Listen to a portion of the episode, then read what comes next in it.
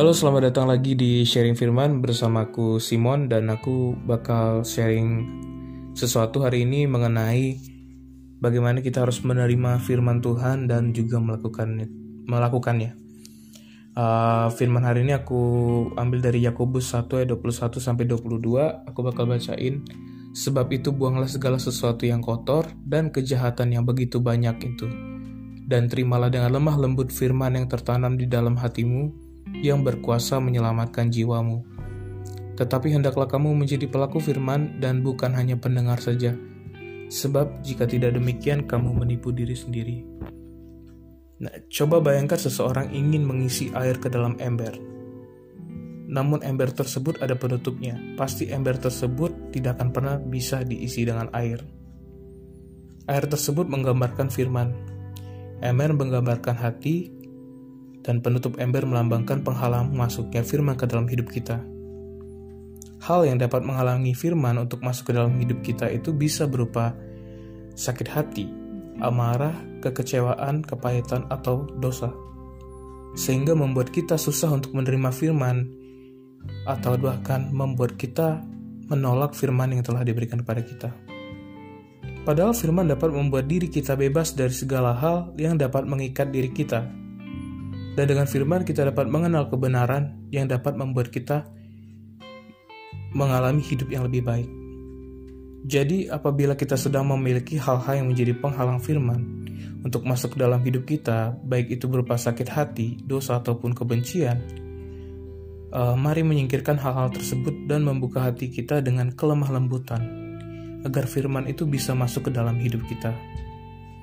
Jangan sampai hal-hal buruk menghalangi hal-hal baik masuk.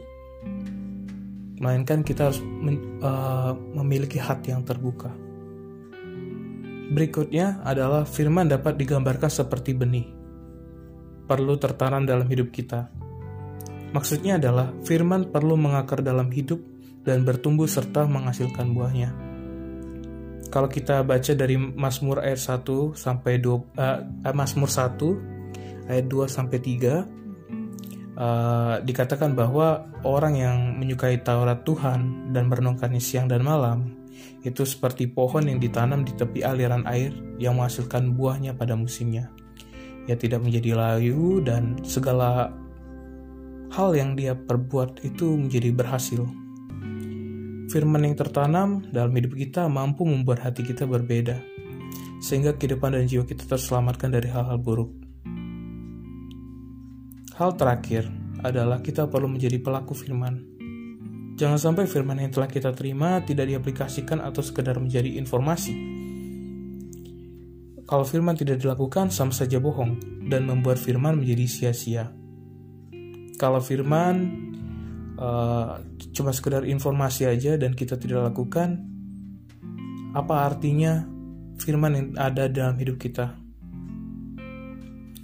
Kalau di ayat 23 sampai 24, orang yang telah mendengarkan firman tapi tidak dilakukan adalah seperti orang yang sedang berkaca yang mengamati dirinya lalu dia menjadi lupa.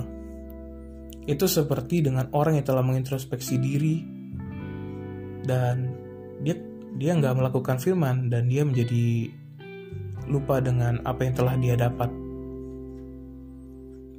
Otomatis hidupnya tidak berubah jadi jangan sampai firman yang ada dalam hidup kita itu menjadi sia-sia. Namun kita harus menjadi pelaku firman agar firman itu berbuah kepada diri kita dan pada orang lain.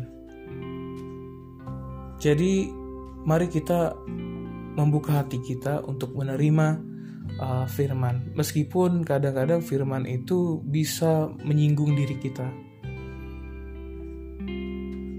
semisal kalau misalnya dalam kita dalam uh, situasi yang nggak baik dan tiba-tiba ada orang yang memberikan firman kepada kita mungkin saja kita bisa menolak. Uh, sebagai contoh misal kalau kita disakiti oleh orang lain dan let's say mentor kita atau bapak rohani atau orang tua atau segala macam uh, berbicara pada kita adalah untuk sabar, untuk memaafkan. Namun pada saat kepahitan atau rasa benci atau sakit hati itu menguasai hati kita terlebih dahulu, maka firman yang telah disampaikan pada kita tidak bisa masuk dan tidak dapat uh, memberikan berkat buat kita. Namun pada saat kita menyingkirkan hal-hal yang jahat tadi dan menerima firman itu masuk, maka firman tersebut akan menjadi uh, sesuatu yang mengubah hidup kita, sesuatu yang menjadi uh, berkat atau pembebas dari keterikatan yang uh, buruk. Jadi yang hal pertama itu buka hati, dan kedua pada saat firman telah masuk, uh, segera tanam di dalam hati. Jangan sampai firman sekedar numpang atau sekedar numpang lewat dalam hati kita. Namun tanam itu uh, dan biarkan dia mengakar dan bisa bertumbuh dalam hidup kita. Dan yang terakhir adalah uh, mari kita melakukan firman yang telah kita dapat.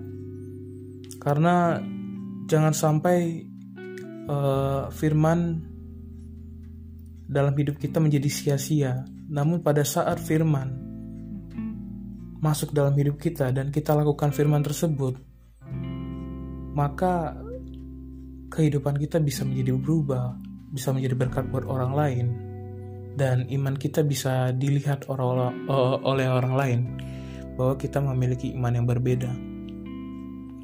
Jadi sharing aku itu aja uh, singkat uh, tapi semoga bisa jadi berkat buat kita semua God bless. Bye